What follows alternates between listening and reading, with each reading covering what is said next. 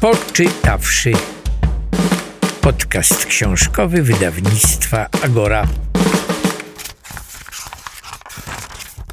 Tu jest takie wspaniałe zdjęcie. Na stronie 14 popatrzcie.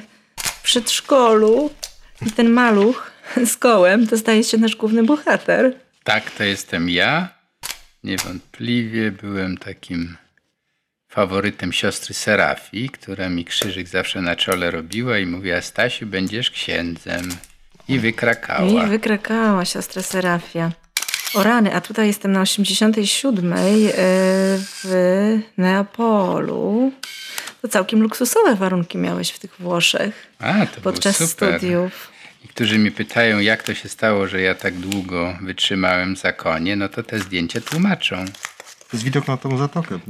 napolitańską. Nie? Tak, i Tak, tam tak. Wezuwiusz. Nie Wezuwiusz. widać go, ale jest tam gdzieś. No, i Jest- dodajmy, że, że profesor był tam w czasie erupcji Wezuwiusza, nie? tej największej. Nie, nie. To, Trzęsienia ziemi, przepraszam. to były trzęsienia ziemi, tak. To Tak, i było- nawet jest mowa o tym w książce, prawda? To Tak. potem mieliście takie praktyki stude- studenckie. jakby Nie, jeździliśmy po prostu do tych poszkodowanych. To niektóre Mhm. były dramatyczne naprawdę opowieści, jak przykład młodzież uciekająca z dyskoteki uciekła akurat pod palący się dom i prawie wszyscy młodzi zginęli. Także to było straszne. Mhm. Czy dużo jest młodych ludzi na tych zdjęciach? O, to też jest fajne zdjęcie. Zobaczcie na 136. Yy, msza w lesie. Tak, tu jestem duszpasterzem akademickim. Tak, a to na szyi, co ten szalik, to To jest stuła. Stuła. I to jest stuła od mojego przyjaciela Peruwiańczyka. Czyli to jest prawdziwa, oryginalna Bardzo. stuła, tylko peruwiańska, a nie tam jakiś szalik górski, który Nie, się nie, akurat... nie, to jest peruwiańska z frontu teologii wyzwolenia. To dopiero. Stanisław w czasach rektorskich ćwiczy karate. 148 strona. Ach, to Wygląda na bardzo zmęczonego tymże karate. To jakiś poważny... jest... No muszę wam powiedzieć, że moi przyjaciele karatecy się odezwali. Jeden e, Jerzy Lelito, który ma piąty dan, to jest po prostu niesłychane w polskich realiach i warunkach. I moi koledzy mają trzeci dan. No karierę zrobili chłopcy. No ja niestety kończyłem moją przygodę z karate bodajże na niebieskim pasie. Poczytawszy. Podcast książkowy wydawnictwa Agora. Przy mikrofonie Karolina Oponowicz, a razem ze mną Stanisław Obirek i Artur Nowak. Witajcie. Dzień dobry. Witamy, dzień dobry. Stanisław Obirek, choć może nie trzeba przedstawiać, to antropolog kultury, literaturoznawca, to amerykanista, to historyk, teolog, autor wielu, wielu książek. Artur Nowak, adwokat, publicysta, także autor książek. A spotykamy się y, w związku z tym, że wydaliście wspólnie książkę.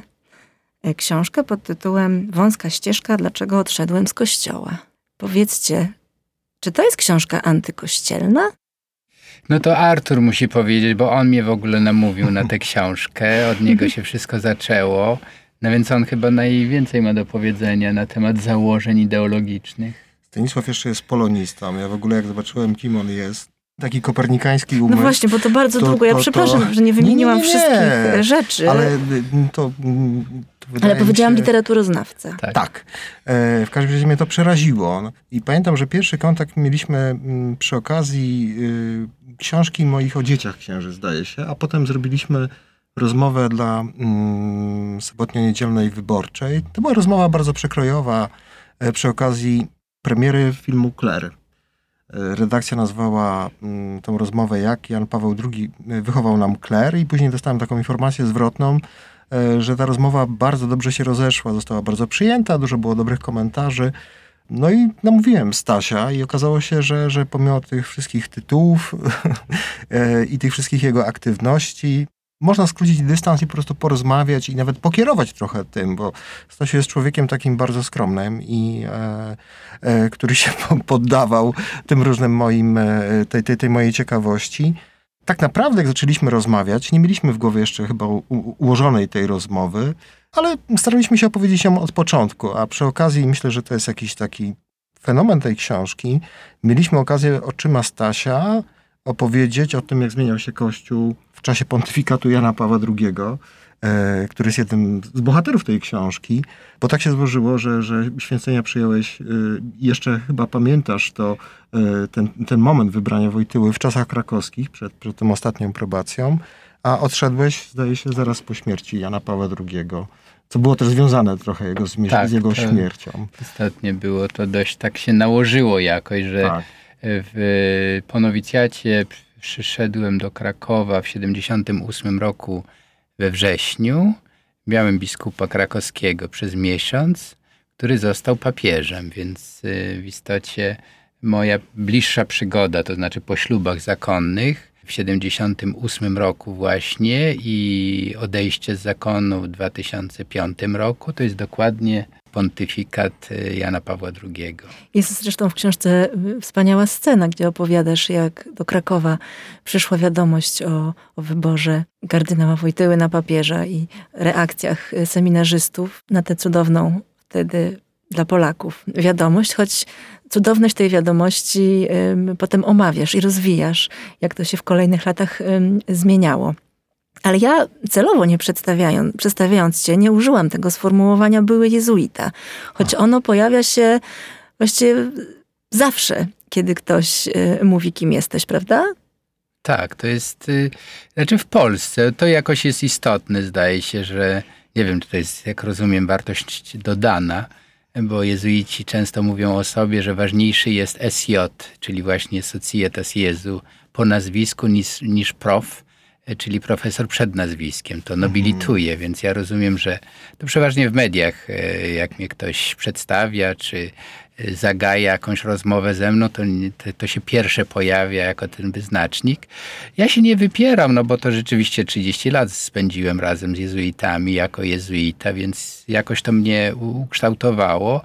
Mm, no nie wiem, ani mnie to nie drażni, ani specjalnie nie, nie, nie dopatruje się w tym dodatkowej wartości. Tak to po prostu jest. Myślę, że w Polsce lubimy takie smaczki kościelne. Ja myślę zresztą, że to wpisuje się w pewną jakąś taką tą twoją historię, bo ty mówisz wyraźnie, że ten e, wybór właśnie drogi, który przyjąłeś po pierwszym roku studiów, które przerwałeś mhm. E, i odejście, to są dwie najwspanialsze decyzje w twoim życiu, nie? generalnie. Więc to ma tą swoją logikę. To pokazuje, że w jakich różnych momentach jesteśmy swojej świadomości, swojego dojrzewania też na pewno.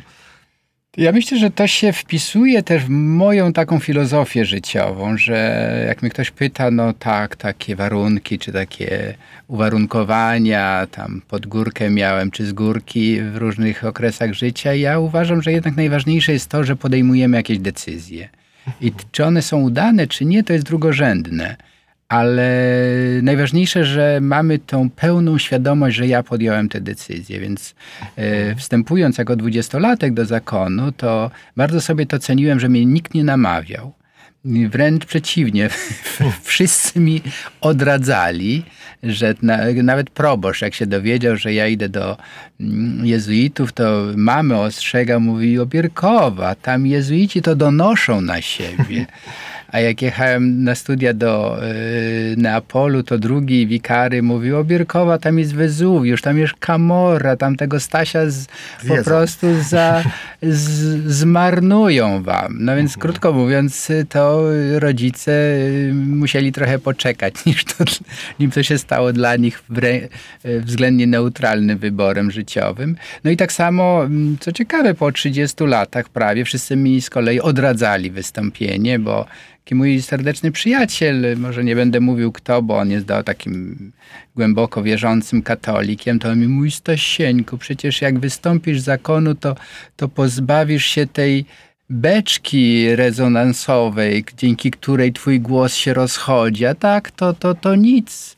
No i ja bardzo słuchałem go, ale mówię, no, no przykro mi, ale nie, niestety imperatyw wewnętrzny każe mi co innego. Także w tym sensie wydaje mi się to ciekawe, że każdy podejmuje różne decyzje, ale najlepiej, żeby to robił na własny rachunek. To prawda, ale ta etykietka były jezuita to jest to jest jeszcze szczególniejszy rodzaj e, etykietki niż, niż jezuita czy ksiądz w ogóle w naszym kraju, prawda? Szczególnie w tych czasach. Nawet na okładce, tutaj od razu w drugiej linijce czytamy, były jezuita jeden z niepokornych polskiego kościoła. Jak ci z taką etykietką jednego z niepokornych kościoła? No i niepokornym byłem, e, może rozmawiamy w ramach podcastu e, Agory, no to to może zabrzmieć ciekawie, że jako jezuita to byłem postrzegany jako kapelan wyborczy czy jako różowy ksiądz. To były te lata 90., e, więc w pewnym sensie ta etykieta niepokornego towarzyszyła mi już jako jezuicie, a po 2005 y, roku ta niepokora chyba y, wiąże się z tym, że ja byłem chyba pierwszym, przepraszam, że sobie to tak przypiszę, ale chyba byłem pierwszy, który się nie wstydził tego, że jest byłym księdzem, tylko mówiłem otwarcie o tym. Wręcz y, jeśli byłem pytany, no to absolutnie nie mówiłem o jakichś traumach, tylko mówiłem, że to jest ciekawe doświadczenie życiowe, które tak jak niekiedy bywa w małżeństwach, które się zawiera zwykle z miłości, no ale przychodzi czas, że się je, że tak powiem, zamyka. Najczęściej niestety nie po przyja przyjacielsku, ale bywają też przyjazne rozstania. No i to moje było bardzo przyjazne. Ja myślę o jezuitach, jeżeli w ogóle chcą ze mną rozmawiać, to z nimi chętnie rozmawiam. A chcą? No jeden nawet się znalazł tutaj y, w, wśród zdjęć no nie na jakiejś pobożnej bardzo ceremonii religijnej, popijamy piwo. Tak, tak, w kapeluszu takim spektakularnym tak, jest. To jest e, jeden z bohaterów zresztą tej, tej książki, tej naszej rozmowy. Lech Jerzy Kątkowski był jezuitą, którego spotkałem przed wstąpieniem do zakonu i być może dlatego ten sentyment y, obopólny trwa, chociaż on nie podziela mojej decyzji tak żartobliwie mówił, bo on w Wilnie się urodził, ma taki L, mówi, no słuchaj Staszku, ty żyłeś w zakonie jak pączek w maśle, no jak książec, dlaczego odchodzisz? No i miał rację, dobrze mi było u jezuitów. E, Wikti opierunek za zapewniony, ale no nie tylko jednak opier- wiktem człowiek żyje. Inne sprawy mi doskwierały na tyle, że zrezygnowałem. Artur, ale to mhm. też jest dla ciebie osobista książka, bo ten temat kościoła tak. to też jest temat, który się w twoim życiu pojawia, przewija przez, przez twoje życie i też przez twoją pracę mhm. zawodową i twórczość. Ja myślę sobie, że Praca nad tą książką też taka jakimś ważnym momentem e, dla mnie była, bo moja re, refleksja na, na, na, temat Kościoła związana jest z pewnym procesem. Mhm. No takie oddzielanie się od Kościoła, bo, bo, bo jestem w tej chwili poza Kościołem, e, jest chyba trudne dla, dla osoby, która ma trochę inną drogę niż Stasiu. No, Stasiu ma tą ciekawą drogę, bo dla niego odkrywanie Kościoła, porzucanie Kościoła, jakaś krytyczna refleksja była związana z odrzuceniem jak gdyby uwarunkowań zewnętrznych. On już od y, Pałego wzbudzał zdumienie panie w bibliotece, kiedy czytał jakieś dzieła, czy to marksistów, czy, y, czy czytał Tatarkiewicza, y, czy, czy Jasienicę. Natomiast ja byłem wychowany w takim środowisku bardzo skatechizowanym i ta religia rzeczywiście była z nadania.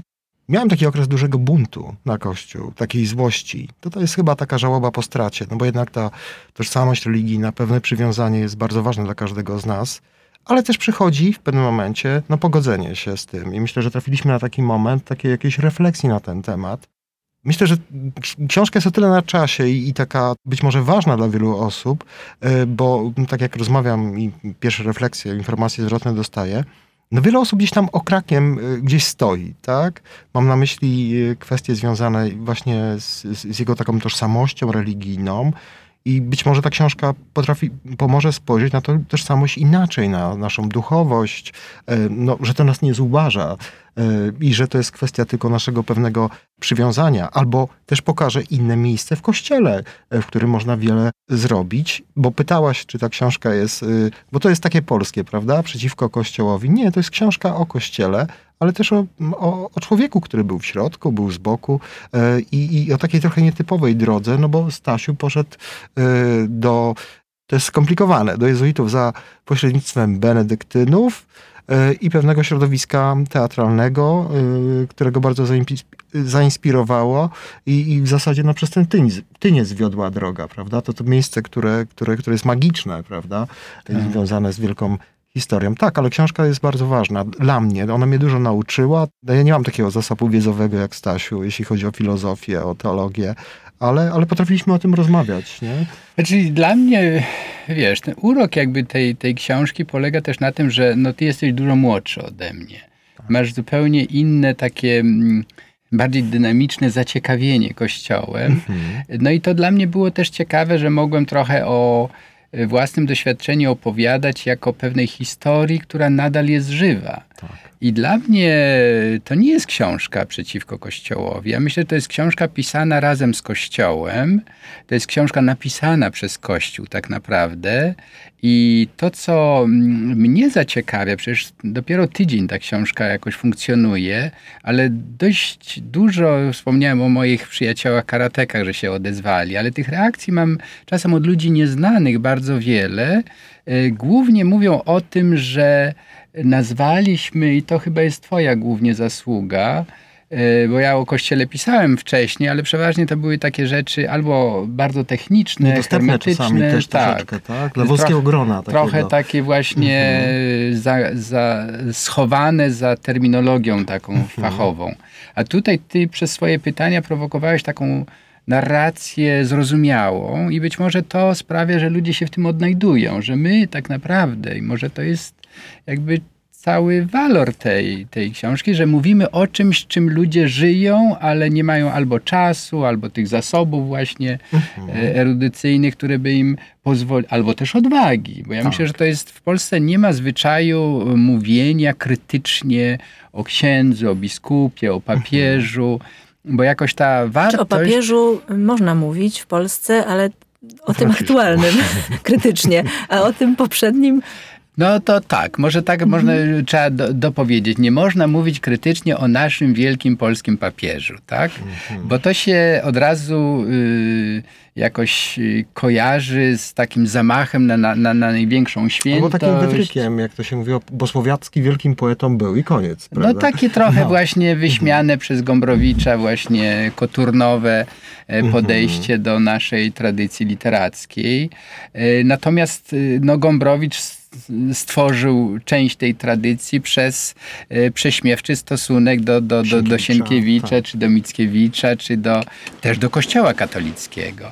Więc my trochę, nie wiem, czy się Arturze ze mną zgodzisz, chyba się wpisujemy bardziej w tę gombrowiczowską tradycję takiego, może to zabrzmi trochę e, górnolotnie, ale jednak współtworzenia tradycji. No, to znaczy krytyka taka zdrowa e, oznacza, że, że to jest dla nas istotne. Znaczy, ja mam dużo informacji zwrotnych od właśnie osób duchownych, od księży. Oni kupują tą książkę, ale nie w takiej tradycyjnej formie papierowej, tylko właśnie e-booki.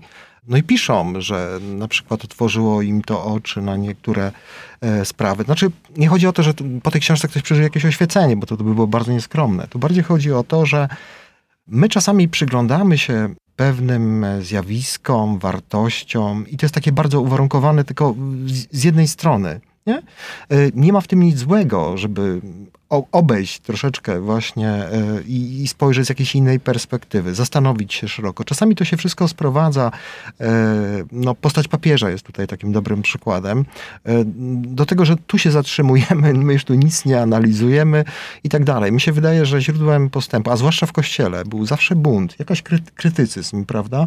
Jeżeli spojrzymy na wszelkie ruchy reformatorskie i od tych wielkich sprzed y, 500 lat, ale też tego, co się dzieje w Niemczech, e, bo mamy nowego kardynała, to jest wiadomość sprzed kilku dni, niemieckiego i, i tego liberalnego kardynała Marksa e, zastąpił y, też liberał dyskusje wywoływane właśnie na dole przez świeckich, przez teologów, e, no były mm, e, asumptem do tego, żeby Kościół się zmieniał i on się zawsze zmieniał na dobre, prawda? Generalnie. No inaczej nie szło. Ja mam taką hipotezę. Ciekawa jestem, czy się ze mną zgodzicie. Bo książka rzeczywiście ukazuje się w takim momencie, kiedy mamy za sobą y, sporo ważnych lektur i filmów y, pokazujących y, Kościół w taki sposób zupełnie nowy, dla nas Polaków przynajmniej. Jesteśmy i po Sodomie Martela, jesteśmy po filmie Claire, jesteśmy po filmie Sykielskich, w którym też obaj jesteście związani też drugą częścią, do tego może jeszcze wrócimy. Natomiast wasza książka pojawia się w takim momencie, kiedy wiele osób zdążyło się już załamać kościołem. Znaczy rzeczywiście wiele osób, y, mam wrażenie, że przestało widzieć y, swoje miejsce w kościele. Straciło nadzieję na to, że jakoś tam się w tym kościele odnajdą, albo że w ogóle tą swoją ścieżkę odnajdą e, duchową. E, A wy pokazujecie, właściwie no, Stanisław pokazuje, że można jakoś swoją ścieżkę odnaleźć. Zresztą tytuł tej książki, Wąska ścieżka, jest też o tym. Czyli tak sobie myślę, że może ci ludzie, którzy się zdążyli um, tak zasmucić i sfrustrować tym, co się dzieje w polskim kościele, teraz dzięki tobie, dzięki też twojej historii odnajdują jakiś pomysł na swoją własną duchowość, na swoje własne miejsce w kościele w ogóle. Y, bardzo mnie zaciekawiła uwaga czy komentarz y, człowieka, który no, ma na koncie dość długie zmagania z Kościołem, y, doskonale znany w polskiej debacie publicznej, Tadeusz Bartoś, który mi krótko napisał dobry timing. e, bo pamiętam, jak Tadeusz napisał swoją książkę w 2007 roku czy 2008 o Janie Pawle II, Analiza krytyczna, to dzisiejsi niektórzy otwarci katolicy, którzy tak y, ochoczo krytykują Kościół, nie będę naz nazwisk wymieniał, ale wtedy rzucili się na niego jak na obrazoburcę jakiegoś heretyka, infamia, e, infamia straszna. I to nie było tak jak w mhm. moim wypadku, że to było tuż po, e, po pogrzebie, czy tuż po śmierci Jana Pawła II, kiedy ośmieliłem się go porównać do e, proboszcza wiejskiego. Mm, Tadeusz Bartoś zrobił spokojną analizę trzy lata później. I wtedy to nie był dobry timing. Książka e, wpadła jak kamień w wodę. E, to samo o jego mnichu można powiedzieć, gdzie też mówi o swojej historii, takiej trochę przez pryzmat e, jakiejś alegorii. Myślę, że nasza forma, właśnie taka, niby jest to o Birku, ale jednak obirek jest bardziej w tle. Ważniejsze jest to, co przeszedł, co przeżył, co, co, co myśli o czym czy o innym. No i też Artura historię, kogoś, kto jest bardzo aktywnie i, i powiedziałbym tak rzeczowo obecny w, w, rozrachunku czy e, rozprawie z Kościołem, tym właśnie chowającym pod dywan, niechętnym do konfrontacji ze swoją ciemną stroną. Więc tutaj spotkaliśmy się w istocie, jak Karolina mówi, to, bo to są te i mhm. filmy, czyli no, jednak 23 miliony czy więcej e, ludzi, którzy kliknęli na, na Tylko nie mów nikomu Sekielskich. Ja myślę, że nawet jeśli sami Sekielscy czasem mają wrażenie, że no i nic, ale jednak jest. To znaczy mm -hmm. można mówić. No, no, no ty tak, wiesz tak, doskonale, tak. jak na tym froncie e, walki z pedofilią no to inaczej mm. wygląda. Artur, znaczy, ja chwilę ja myślę sobie w ogóle, że to jest tak, że jak zadawałaś to pytanie, to sobie przypomniałem, że my w trakcie rozmowy rozmawialiśmy o pewnym typie religijności Amerykanów, nons, tak? E, o ludziach, którzy po prostu mówią, e, że wierzą, że wątpią, albo o Amerykanach, którzy stawiają sobie w poważnych katolickich pismach pytanie, no jak być w kościele, mając taką wiedzę o tym, co ten kościół wyczynia. No i to mm, pedofilia jest tutaj wierzchołkiem góry lodowej, bo to jest, są nadużycia wobec zakoni, to są nadużycia finansowe, to jest właśnie taka buta, arogancja. I ja mam takie wrażenie, że w trakcie pracy nad, tej książ- nad tą książką, w ciągu roku, czy nawet kilku miesięcy, nam się wszystko zmienia jak w kalejdoskopie. Tak? E, my analizujemy tutaj wypowiedź Franciszka na pokładzie samolotu, kiedy wracał z ważnej wizyty z Emiratów i, i mówił o, o sytuacji z Ratzingerem, e, no, który nie mógł zająć się legionistami, bo, bo Jan Paweł II czy też jego otoczenie postawiło weto. No to nam się tutaj wiele rozjaśniło już w tej kwestii. Wiele nam się rozjaśnia też e, w kwestii no, drogi Kościoła, tak?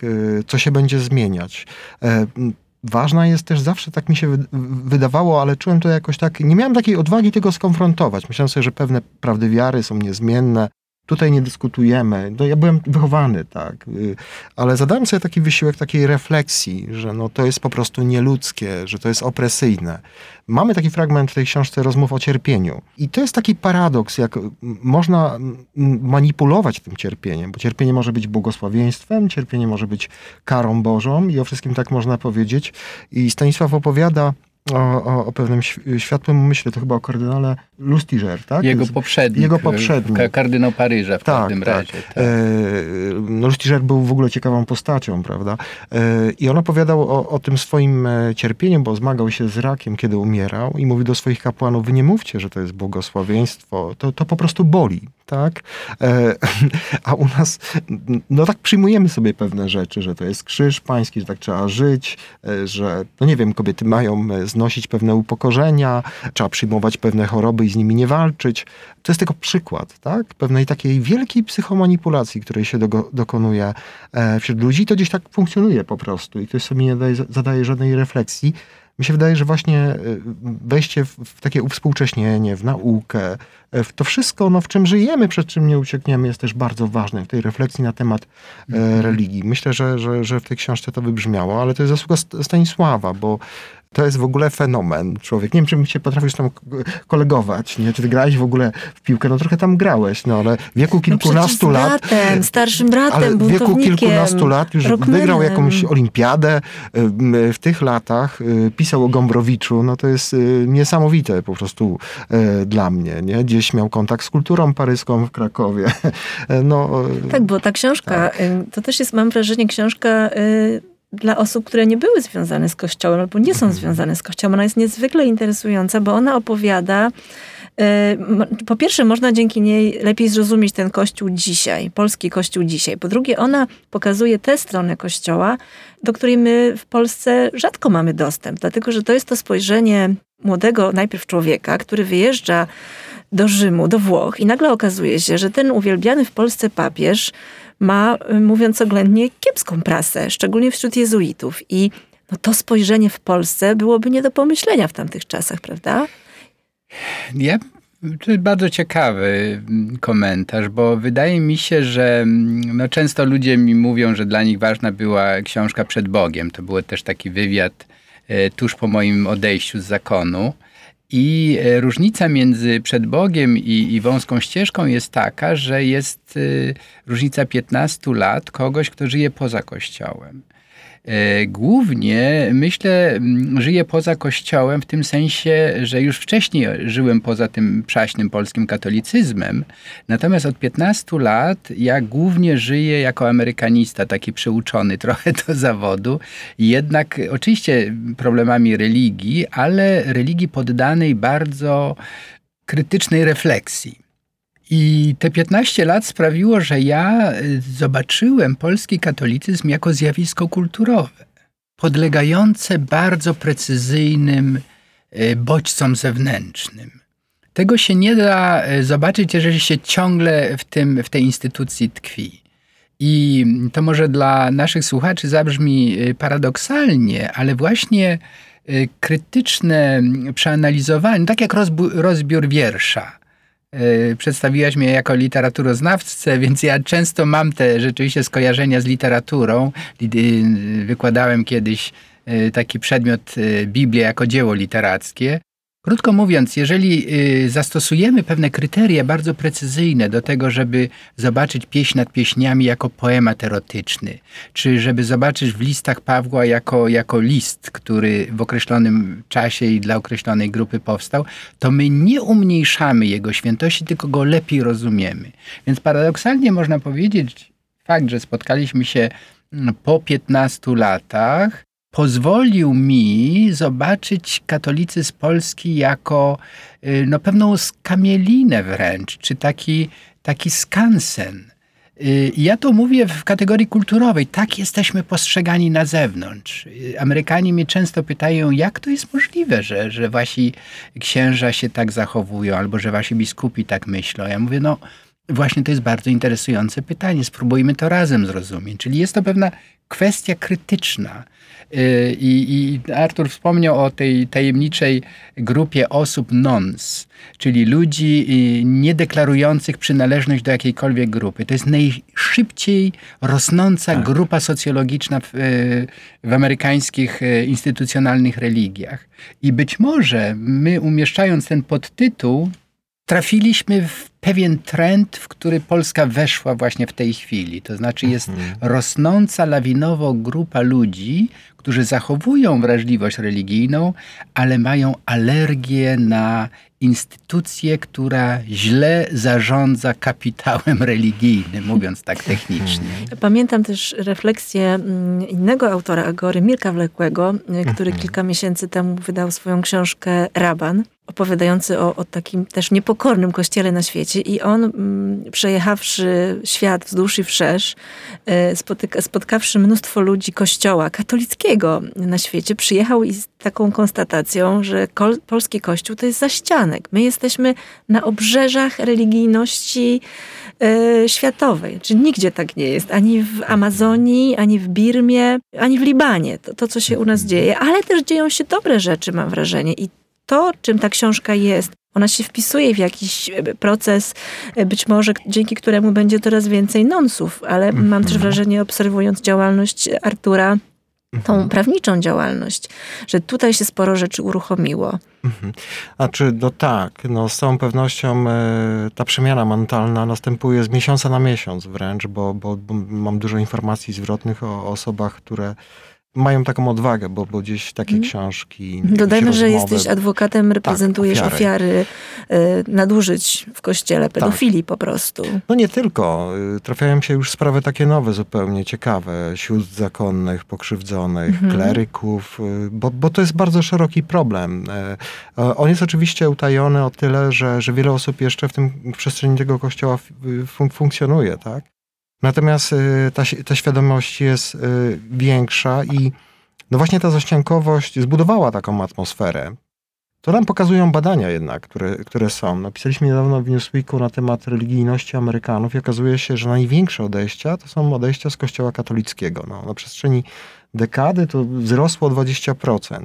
E, to są liczby, twarde liczby, badania robione przez bardzo utytułowane instytuty.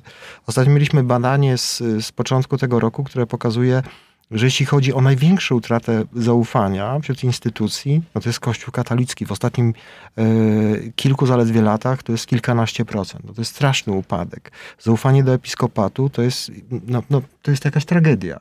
I wniosek mój jest taki, że wychowaliśmy sobie pewien rodzaj konsumenta religijnego, no, który nie będzie chodził z jakąś apostazją i tak dalej. On jest w tym kościele, bo jest, bo jest mu wygodnie.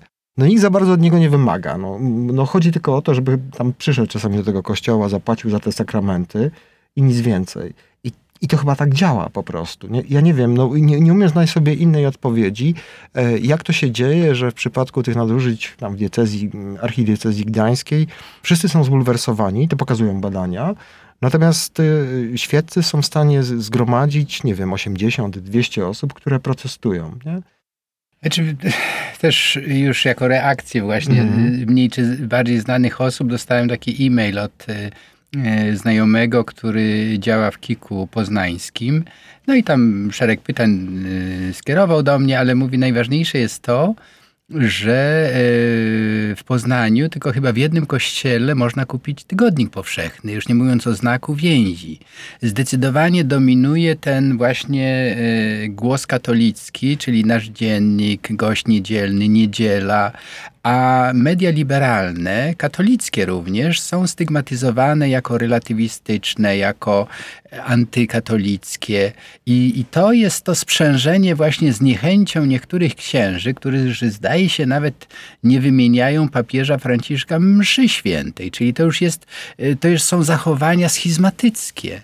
I myślę, że problem jest taki, że mm, o biskupach my tam za wiele dobrego nie mówimy, ale tutaj można dodać jeszcze i to, że oni w to nie ingerują. To znaczy y, urzędnicy papiescy, którzy mają gwarantować łączność z Rzymem, nie robią nic albo bardzo mało, żeby od siedmiu lat ten przekaz zmieniony papieża Franciszka, właśnie otwarty na, na uchodźców, mhm. na odmienne orientacje seksualne. Przecież Franciszek w pierwszych wywiadach mówił o tym, z tym najsłynniejszym z, mm, z ojcem Spadaro, że Antykoncepcja, aborcja są ważne, ale one nie są najważniejsze. Najważniejszy jest szpital polowy. Kościół ma się zająć człowiekiem obolałym, cierpiącym i potrzebującym. Nie ma transmisji tego przekazu z Watykanu i myślę, myślę że to jest ogromna um, grzech zaniedbania biskupów. No, mhm. y, możemy się oczywiście śmiać z tego, co biskupi piszą na listy y, w listach na Wielki Post. To są po prostu rzeczy absurdalne absurdalne. Czy, czy Jędraszewskiego, czy podesłałeś mi biskupa bydgoskiego, Tyrawy. Tyrawy. No to są jakieś y, y, wydumane myśli o, o, o wydumanych problemach. Y, cytowany jest oczywiście święty Jan Paweł II i półgębkiem Benedykt o Franciszku, jeżeli już, to tylko jeżeli psioczy na e, ideologię gender. Tak. E, co mu się zdarza, bo niestety też jest źle poinformowany, też nie jest chętny do zmiany stanowiska. Pomożemy mu, sądzę, Mhm. razem z naszymi przyjaciółmi, feministkami i innymi, bo po prostu Kościół nigdy się nie zmienił, jeżeli nie był do tego przymuszony. Ja mam nadzieję, że ta Mhm. książka pozwoli mu się zmienić. Z całą Tak. pewnością ona się w to wpisuje i mam wrażenie, że to się dzieje dwutorowo. Z jednej strony ten nasz kościół nawet już może nie jest za ściankiem, tylko już tak właściwie tam na płocie tego zaścianka wisi, za płotem prawie, a z drugiej strony mamy całą, y, mamy całą rosnącą rzeszę ludzi, także czytelników tej książki, bo z tego co słyszę, to, to zainteresowanie nią jest ogromne. Ludzi, którzy myślą, którzy szukają, wierzących i niewierzących, też zaciekawionych Kościołem. Pewnie będą się działy dalej różne rzeczy gdzieś wokół tego nurtu. No na przykład za miesiąc, pod koniec marca, mamy premierę drugiego filmu Braci Sekielskich, który też oboje jesteście zaangażowani. Zdaje się bardziej Artur, tak? Tak. Opowiesz trochę o tym? Mogę powiedzieć tyle, co już powiedział Tomek, w jakimś wąskim gronie, ale jednak mimo wszystko publicznie, to e, będzie film, którego bohaterem będzie dwóch braci, e, którzy po wielu, wielu latach, już jako dorośli mężczyźni, opowiedzieli sobie nawzajem o swojej historii, o sprawcy, oczywiście jak to mm, bywa, o, o jego transferach, no i o skandalicznych e, reakcjach biskupów na to. Te, te, te reakcje zostaną po prostu pokazane. Nie mogę więcej powiedzieć. Tomek nie, nie poszedł tym razem z Markiem e, w stronę pokazywania jakiejś historii, kilku, tak.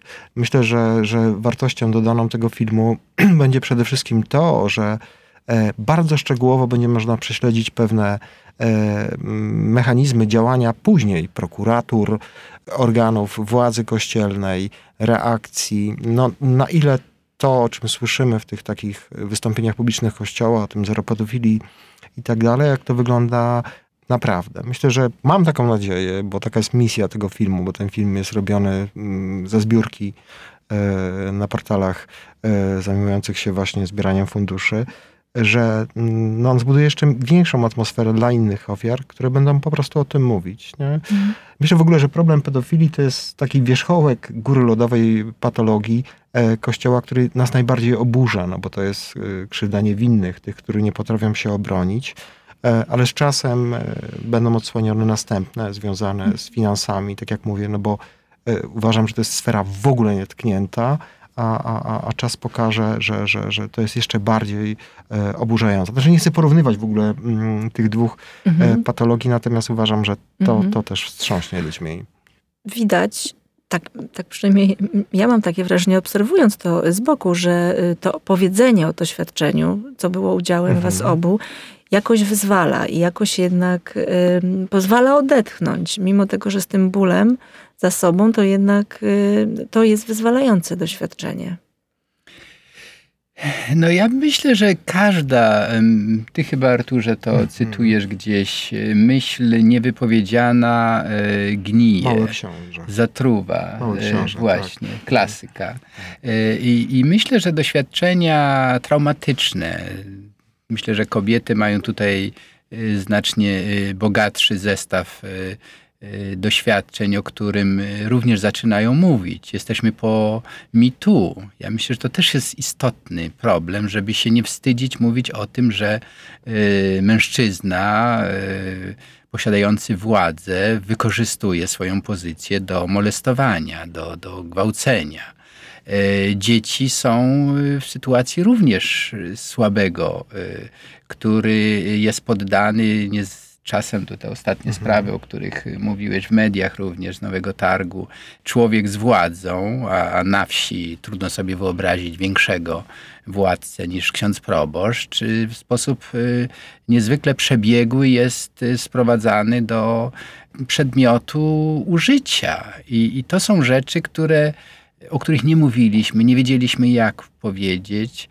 I okazuje się, że powiedzenie wyzwala z jednej strony, ale też uzdalnia do empatii.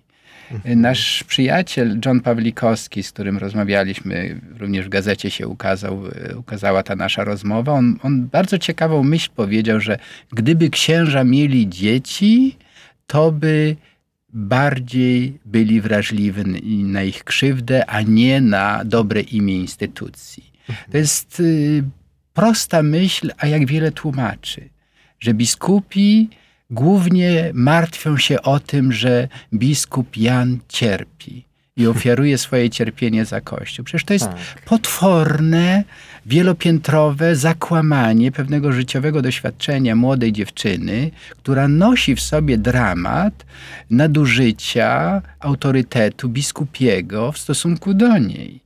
I takich przykładów mamy więcej, i mam wrażenie, że wartość właśnie i tej książki, i tych y, filmów, y, reportaży, Świadectw. świadectw jest taka, że my oczyścimy sobie. Także ta, ta książka, jeśli wrócić do początku naszej rozmowy, jest bardzo prokościelna. Ona pozwoli Kościołowi wrócić do swoich ewangelicznych y, korzeni, pozwoli mu na nowo y, wzbudzić może zaufanie do siebie, ale bez oczyszczenia, bez y, uderzenia się we własne, a nie cudze piersi, to się nie da. No musi Kościół, który tak bardzo dba o to, żeby ludzie się kajali i, przyzna- i, krusz- i kruszeli i przyznawali się do win, musi dać przykład.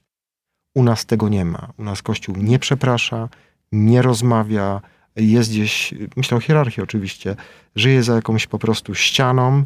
E, To nie ma nic wspólnego z Ewangelią, bo ja sobie ostatnio zdałem sprawę, że Ewangelia to przecież wyjście jest do ludzi, prawda? Szukanie ich na obrzeżach. A tutaj ta e, pseudoewangelizacja polega na tym, że przychodzi jakaś grupa fanów, tych zagorzałych i słucha, co tam e, ci, pożal się Boże, hierarchowie kładą im do głowy. Ale na szczęście mamy wolne media, w których Tak. mogą się skrzykiwać ci, którzy myślą inaczej. Jasne. Bardzo Wam dziękuję za tę My rozmowę. dziękujemy. Dziękuję Profesor bardzo. Stanisław Obirek, Artur Nowak. Dziękuję. Karolina Uponowicz. Poczytawszy. Podcast książkowy wydawnictwa Agora.